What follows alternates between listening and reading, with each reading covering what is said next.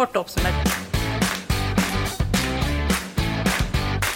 Hei, jeg heter Silje Kjosbakken. Jeg er andre nestleder i Rødt. Den siste uka har North Connect eh, kommet høyt på dagsorden i ulike aviser. Og det er fordi vi nå står i en situasjon hvor vi kan få eh, omkamp om North Connect, om den faktisk skal settes ut til livs. Jeg skal forklare deg hva North Connect faktisk er. Det er en kraftkabel som er planlagt bygd mellom Norge og Skottland. Og poenget med den er å kunne eksportere norsk strøm til eh, det europeiske markedet.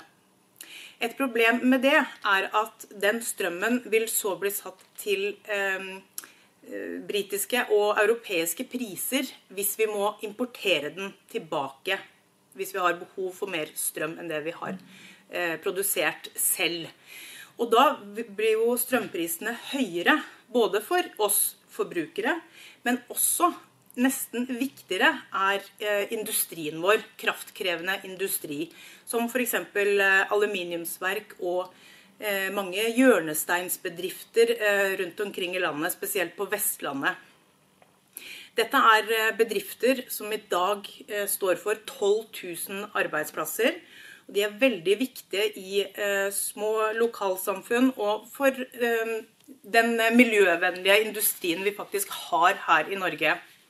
Og det som er veldig interessant nå i dag, det er at vi faktisk har mulighet til å stoppe byggingen av den kabelen, nettopp fordi at Frp gikk ut av regjering tidligere denne uka. Et lite problem er at eh, regjeringa sitter med myndigheten til å gi konsesjon, altså tillatelse, til eh, denne utbyggeren til å sette i gang byggingen av NorthConnect. Så nå er det kjempeviktig, og det vil vi i Rødt jobbe for, eh, at Stortinget skal gjøre et aktivt vedtak eh, som skal si at regjeringen ikke kan gi konsesjon til utbyggeren. Dette var NorthConnect, kort oppsummert.